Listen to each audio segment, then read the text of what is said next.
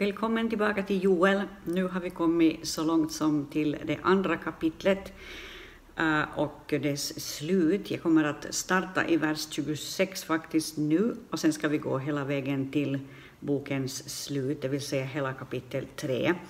Jag kommer inte att bjuda på några smaskiga, märkliga tolkningar av de här texterna. Jag kommer att vara ganska försiktig eh, i det jag tycker mig se i den här texten. Jag tycker att det finns sånt som är mera tydligt här och som är fruktansvärt viktigt för kyrkan idag, eh, som verkligen har upplevt många stafettväxlingar sedan pingstdagen.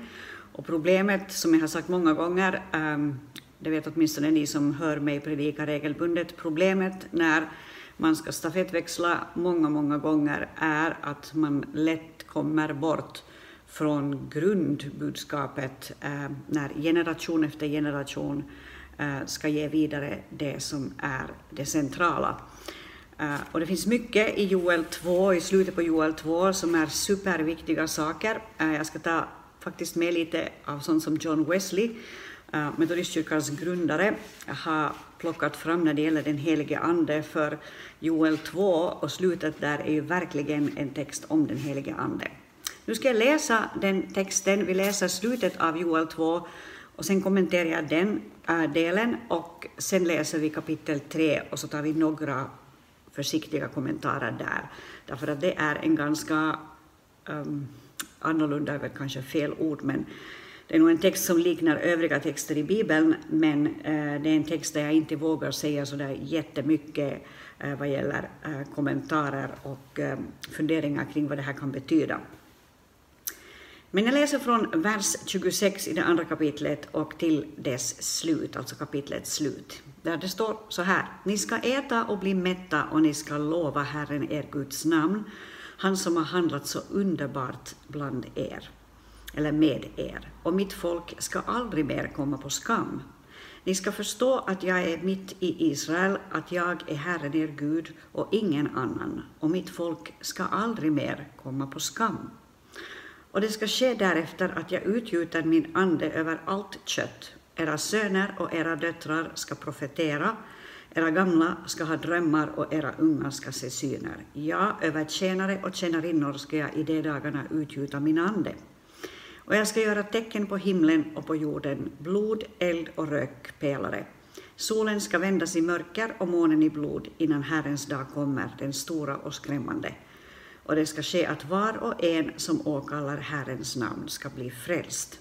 På Sions berg och i Jerusalem ska det finnas en räddad skara, så som Herren har sagt, bland de överlevande som Herren kallar. Nu hoppar jag rakt in i det jag läste här i slutet, men jag vill säga det så jag inte bara glömmer bort att ta, ta med det. Det stod så här i vers 32.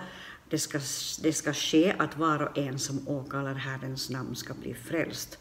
Det får du ta som ett grundläggande viktigt löfte och bibelord eh, med dig rakt in i din vardag. Om du kanske lyssnar på det här och ännu inte har bett eh, en bön av överlåtelse eller om överlåtelse, eh, där du lämnat ditt liv till Jesus Kristus, så vill jag bara vädja till dig i kraften av det här ordet, eller liksom utifrån det här ordet, att det är så enkelt att bli ett Guds barn. Det står var och en som åkallar Herrens namn ska bli frälst. Frälst betyder räddad, eh, frihalsad, kunde man säga, befriad, eh, frihalsad från det som har bundit en.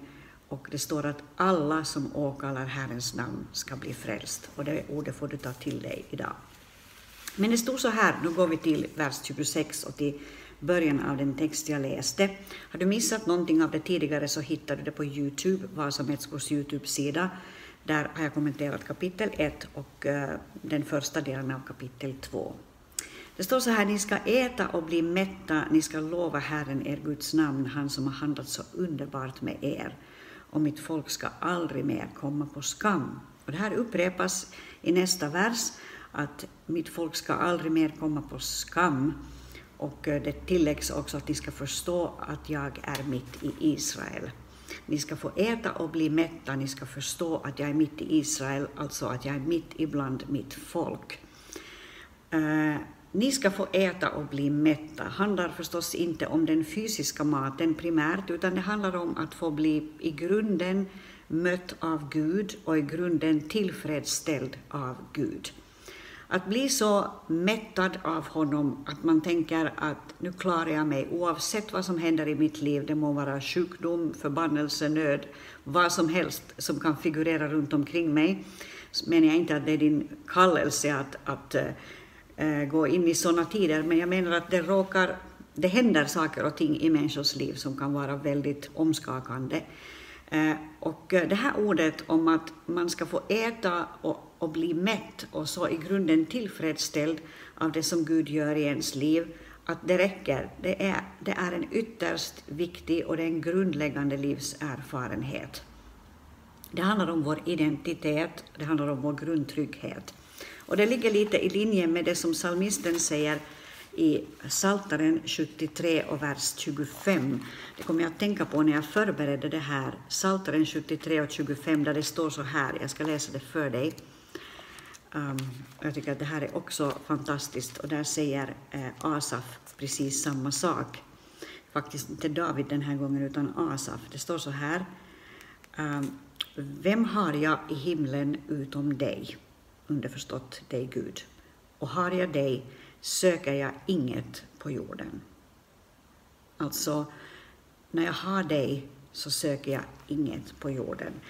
Att man kan bli så tillfredsställd i Gud och man kan få alla behov mättade eller mötta i Gud, att när man har honom så räcker det. Eh, och eh, det här handlar om en grundtrygghet. Jag tror att det här är viktigt att nå innan man börjar tänka sig det som sen följer i vers 28 och framåt, där det talas om en tjänst i den helige Andes kraft. Först kommer identiteten, sen kommer utrustningen. Först kommer grundtryggheten, sen kommer tjänsten. Om vi försöker oss på att stiga ut i tjänst utan en grundtrygghet i Herren, eller utan en stark identitet i Herren, så är det stor risk att vi kommer att vackla och vi kommer att vara som ett flygplan där bara ena vingen bär, men den andra vingen bär inte. Eh, om jag säger det kort så skulle jag säga så här att det du är är viktigare än det du gör. Det du är kommer att prägla det du gör. Och om det fattas något på insidan vad gäller identitet i Kristus så kommer det att ohjälpligt synas. Så när jag frågar efter dig, Gud, så saknar jag ingenting, eh, ingenting här på jorden. Och Joel profeterar och säger att ni ska få äta, ni ska få bli mätta av Guds godhet, av Guds beröring, av Guds närvaro. Ni ska förstå att jag är mitt i Israel. Och sen kommer detta med profetian om Guds ande. Och det här profeterar alltså Joel eh, mer än 800 år innan det sen händer att Guds ande utgjuts på pingstdagen, så som vi läser om det i Apostlagärningarna 2. Och Joel profeterar och han säger att det ska ske därefter att jag utgjuter min ande över allt kött. Eh, nu kanske jag gör för mycket av ett enda ord, eller det gör jag antagligen, men jag, jag gillar ändå den här ordningsföljden som på något sätt indirekt finns med här, det ska ske därefter. Efter vad då? Jo, efter detta att den här grundtryggheten, eh, denna mättnad i den helige Ande, efter att det har skett, så ska Gud utgjuta sin ande över allt kött. Söner och döttrar ska profetera, gamla ska ha drömmar, unga eh, ska eh, få se syner och så vidare. Och det är ju kanske inte ens en överdrift att säga att det handlar om ett därefter, för också om vi tänker på hur det var med lärjungarna som de facto upplevde att den helige Ande kom just på det här sättet, så de, de kom ju från tidernas flopp i deras eget liv. De hade, Eh, de hade lämnat sin mästare och herre i hans värsta stund, de hade flytt ifrån eh, den här situationen när Jesus blev fängslad eh, och spikad upp på korset. De hade liksom svikit honom och de hade gjort det absolut värsta och de var liksom ingenting, de hade ingenting kvar. Och de behövde verkligen få uppleva att de fick äta och bli mätta och det är ju det han gör med dem under 40 dagar efter sin uppståndelse. Han mättar dem på stranden, han mättar dem med sin gemenskap, han kommer till dem genom stängda dörrar och de får på alla sätt uppleva att han liksom helar dem eh, på det personliga planet. Och sen efter det så kommer utgjutelsen genom den helige Ande eh, med allt vad det innebär. Eh, och eh, det är en våg som liksom täcker allt och vi kan läsa om det Eh, i den här pingstdagstexten i Apostlagärningarna 2. Det kommer jag inte att göra nu för att spara tid. Men du kan läsa det själv från vers 1 och, och framåt, där det beskrivs hur den heliga Ande kommer just på det här sättet. Det kommer över allt kött, det vill säga över alla människor som är samlade där eh, eh, och, och som har varit samlade under en tid och väntat på den helige Ande. Och efter att det här har fått ske med den första skaran då i Apostlagärningarna 2 Eh, så är apostlarna noga med, observera, observera, de är noga med att se till att den erfarenheten tas på allvar och att den ges vidare eh, eftersom de reser omkring och delar evangeliet. Du kan läsa om det i Apostlagärningarna 4.31, att det händer på nytt. Eh, jag tänker faktiskt läsa det, för det är en kortare text. Då har den helige Ande redan fallit en gång över dem eh, och man kunde ju säga så här att ja, men den helige Ande föll på pingstdagen och, det är liksom ett tecken på att alla kristna eh, som bekänner Jesus Kristus så, så är liksom fyllda med den helige Ande och döpta i den helige Ande. Men jag köper inte riktigt den förklaringen därför att om vi bara tittar på frukten, och det ska vi alltid titta på, frukten i livet och eh, om vi skulle säga att hela den kristna kyrkan är döpt i den helige Ande idag, så då är det nog en väldigt svag ande vi talar om och en väldigt, eh, bristfällig, ett väldigt bristfälligt dop i den helige Ande.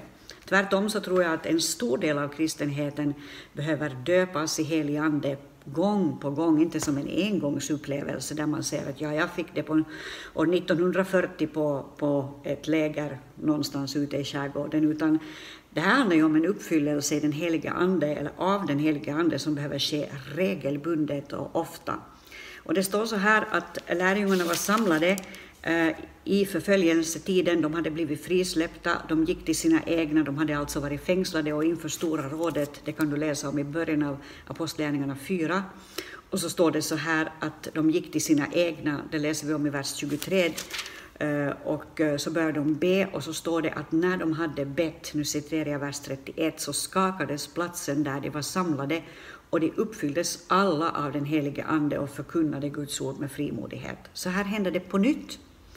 Det var ingen engångsupplevelse, det var inte någonting som bara rent, uh, hur ska vi säga, formellt hade hänt med dem en gång och så drar de liksom alla troende över samma kam, utan det sker gång på gång. Det är som en, en bil som behöver tankas med bensin gång på gång. Så låt ingen stjäla den insikten ifrån dig, eh, utan, utan håll fast vid den här tanken att du har rätt till att få bli uppfylld av helig ande och kraft gång efter annan. Amen and amen.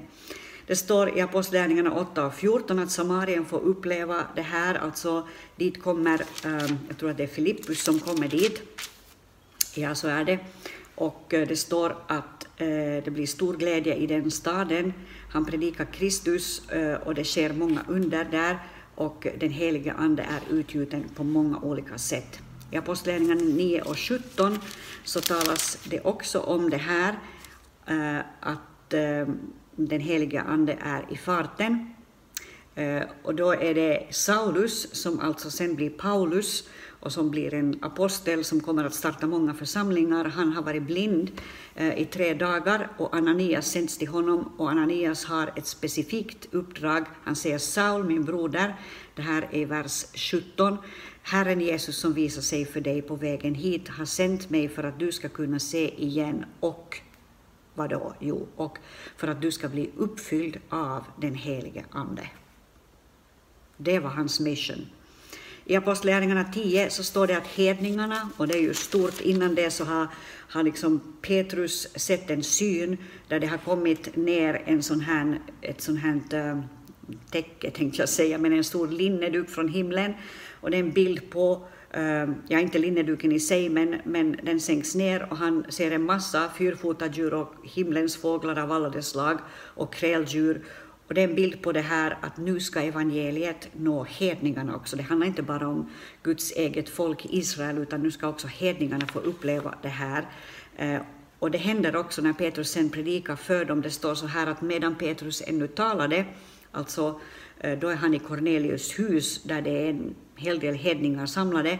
När han ännu talar eh, Eh, så, så hände följande, den helige ande föll över alla som hörde ordet. De troende judarna som hade följt med Petrus häpnade över att den helige andes gåva blev utgjuten också över hedningarna, eftersom de hörde, vad då? Jo, de hörde dem tala i tungor och prisa Gud. Halleluja.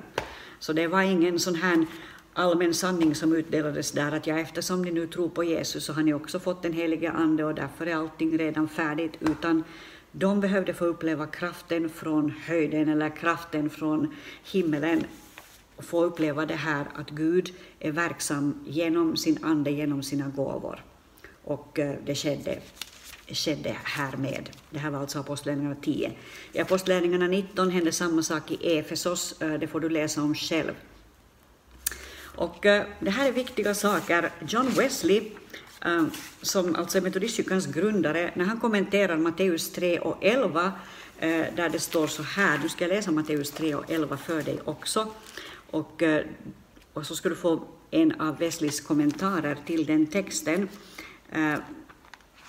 Nu kan det också hända, och bara som en liten parentes medan jag söker Matteus 3 och 11 här, så nu kan det också hända här att det har skett alldeles för många stafettväxlingar sedan Metodistkyrkan grundades, och det kan mycket väl vara så, jag skulle nästan vilja säga att det är så, att en stor del av Metodistkyrkan har glömt bort det här som Wesley så understryker här när det gäller den helige Ande. Det står så här, Matteus 3 och 11, och jag ska just läsa John Wesleys kommentar.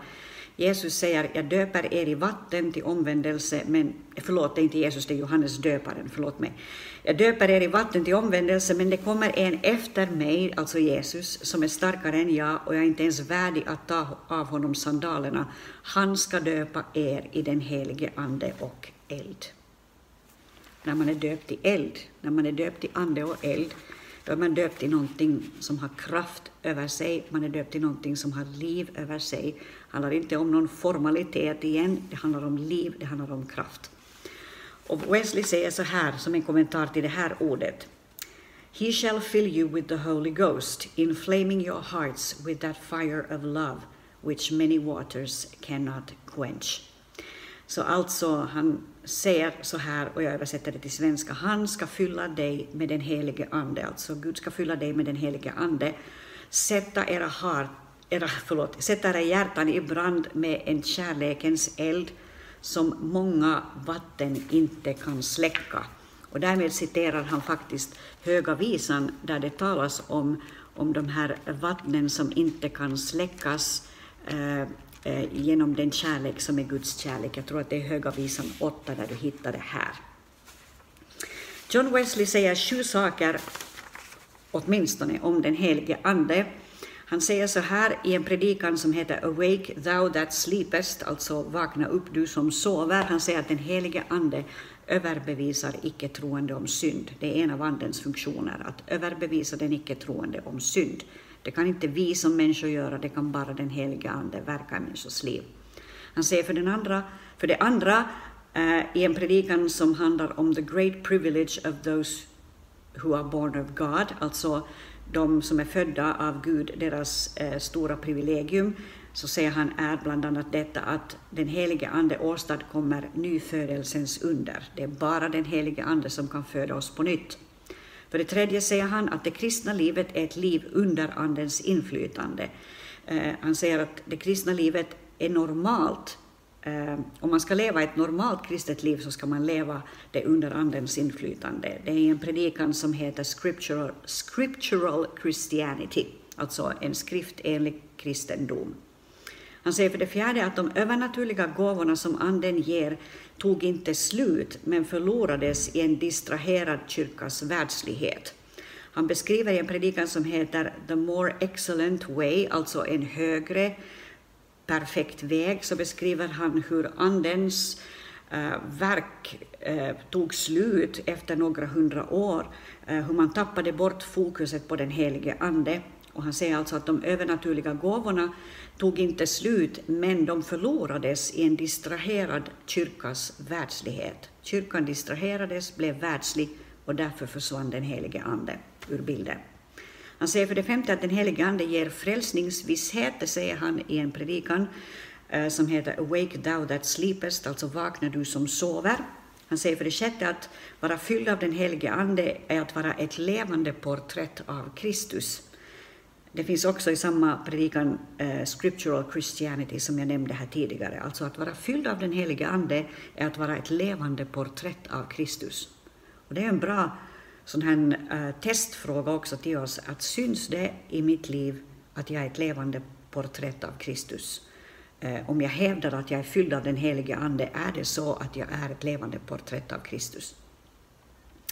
Och för det sjunde så säger han att man inte ska såra den helige Ande och han har en predikan som faktiskt går under temat On grieving the Holy Spirit. Så det är någonting som man inte får göra, att såra den heliga Ande. Då går vi tillbaka till Joel och då kommer vi till, till det tredje kapitlet. Tiden går här och jag ska inte hålla på så länge för jag tror att min telefon inte klarar det, eller jag är rädd för att min telefon inte klarar det. Men i Joel 3, eh, och, och där så får du läsa hela kapitlet själv, jag kommer inte att läsa hela texten nu. Där börjar han med att tala om Herrens dag, eh, den stora och skrämmande. Han säger så här, i de dagarna och på den tiden när jag gör slut på Judas och Jerusalems förlåt, Jerusalems fångenskap ska jag samla alla hedna folk och föra dem ner till Josafats dal. Där ska jag hålla dom över dem för mitt folks skull, min arvedel Israel som de har skingrat bland hedna folken. De har delat mitt land och kastat lott om mitt folk. De betalade en prostituerad med en pojke och sålde eh, en flicka för vin eh, som de drack upp. Och här börjar en beskrivning av Herrens dag, den, den stora och skrämmande, när Gud går igenom alla konton, kunde vi säga så här. Och egentligen så har ju Joel förberett den här texten redan tidigare när han har talat om de här miljoner gräshopporna med den här otroliga aptiten som ska komma med styrka och liksom äta upp allting eh, som en bild på det här att, att Guds dom drabbar allting som inte har gått igenom Guds eh, försoning. Eh, och, eh, han, han talar om Josafats dal och det är en hänvisning egentligen till Andra krönikeboken 20 där man kan läsa en berättelse om Josafat och det här är en ganska populär text uh, där det handlar om hur Josafat får vara med om det här, hur, hur landet liksom kommer eh, att få uppleva en riktig sån här prövning eh, av annalkande arméer. Eh, Josafat, eh, hans namn betyder Herren dömer, eh, och, det är kanske därifrån också som Josafats dal också kallas för eh, the Valley of Decision, alltså dalen där det besluts hur det ska gå, kunde vi säga. Domens dal, eller the Valley of Decision. Kidrondalen på Jerusalems östra sida, säger kommentarerna. Än i denna dag så kallas denna dag för domens dal och den är full, lär vara full av judiska gravar därför att man tror att det kommer att vara den plats där Gud avgör eh, vårt eviga väl. Um, en av de här kommentarerna som jag läste Eh, Eh, så säger jag så här att ordet eh, the valley of decision har ibland använts fel av predikanter, håller jag med om, när det står multitudes are in the valley of decision, alltså det står att, att det är, är, är många eh, som finns där i, i, i den här domens dal, att det finns många som står där. Vi ska se vad det finns här. Um, Ja, jag läser från vers 12. Låt hedna folken resa sig och dra ut till Josafats dal, för där ska jag sitta till doms över alla hedna folk här omkring. Låt lien gå, för skörden är mogen. Kom och trampa, för pressen är full. Presskaren flödar över, för deras ondska är stor. Det är skaror på skaror i domens dal, för Herrens dag är nära i domens dal. Solen och månen förmörkas och stjärnorna mister sitt sken. Så det står alltså att det är skaror på skaror, multitudes, multitudes på engelska. Eh, och, det finns predikanter eh, som menar att eh, det handlar om att många icke-troende, multitudes, alltså massor, massor, massor med människor ska fatta sina beslut att följa Jesus där. Men, men där så, så säger han nu, vår vän, nu kommer jag, David Pawson, han säger att, att det här är nog ett missbruk av det här ordet, Eh, det handlar inte om många icke-troende som fattar sina beslut, där det är Gud som fattar sitt beslut i denna dal och det är han som har sista ordet i denna dal. Eh, och ehm, eh, jag hoppade över en vers här, det står så här i vers 10 i det här, det står att smid era plogbillar till svärd och era vingårdsknivar till spjut. Den svage ska säga jag är stark. Skynda er att komma, alla hedna folk här omkring och församla er. Sänd Herre dina hjältar dit ner.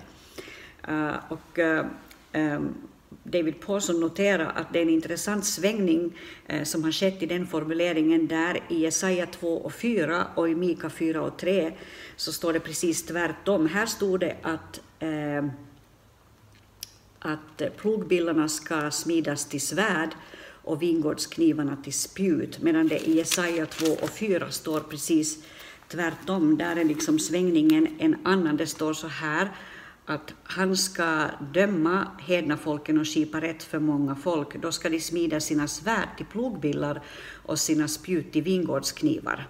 Folk ska inte lyfta svärd mot folk och inte börja öva för krig. Kom, ni av Jakobs släkt, låt oss vandra i Herrens ljus.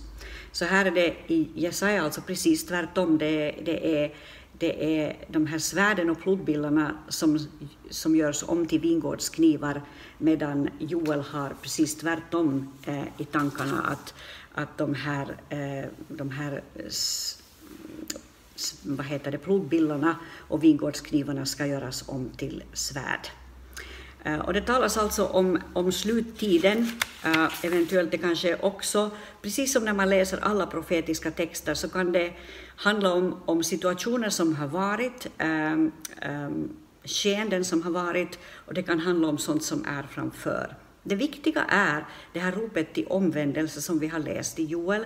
Det viktiga är eh, ropet om den heliga Andes utgjutande, Eh, det att den helige Ande utgöts på pingstdagen betyder, betyder, inte att den för alltid är utgjuten över den kristna kyrkan och därmed behöver vi inte söka något mer av den helige Ande. Tvärtom så behöver vi leva i den realitet som Paulus och många andra ger uttryck för när människor gång på gång får uppleva detta att den helige Ande utgjuts, utgjuts över deras liv och eh, de sätts på nytt on fire for Christ. Och det har ju helt enkelt att göra med det här som jag, som jag nu har talat om många, många gånger, att vi springer ett långt lopp.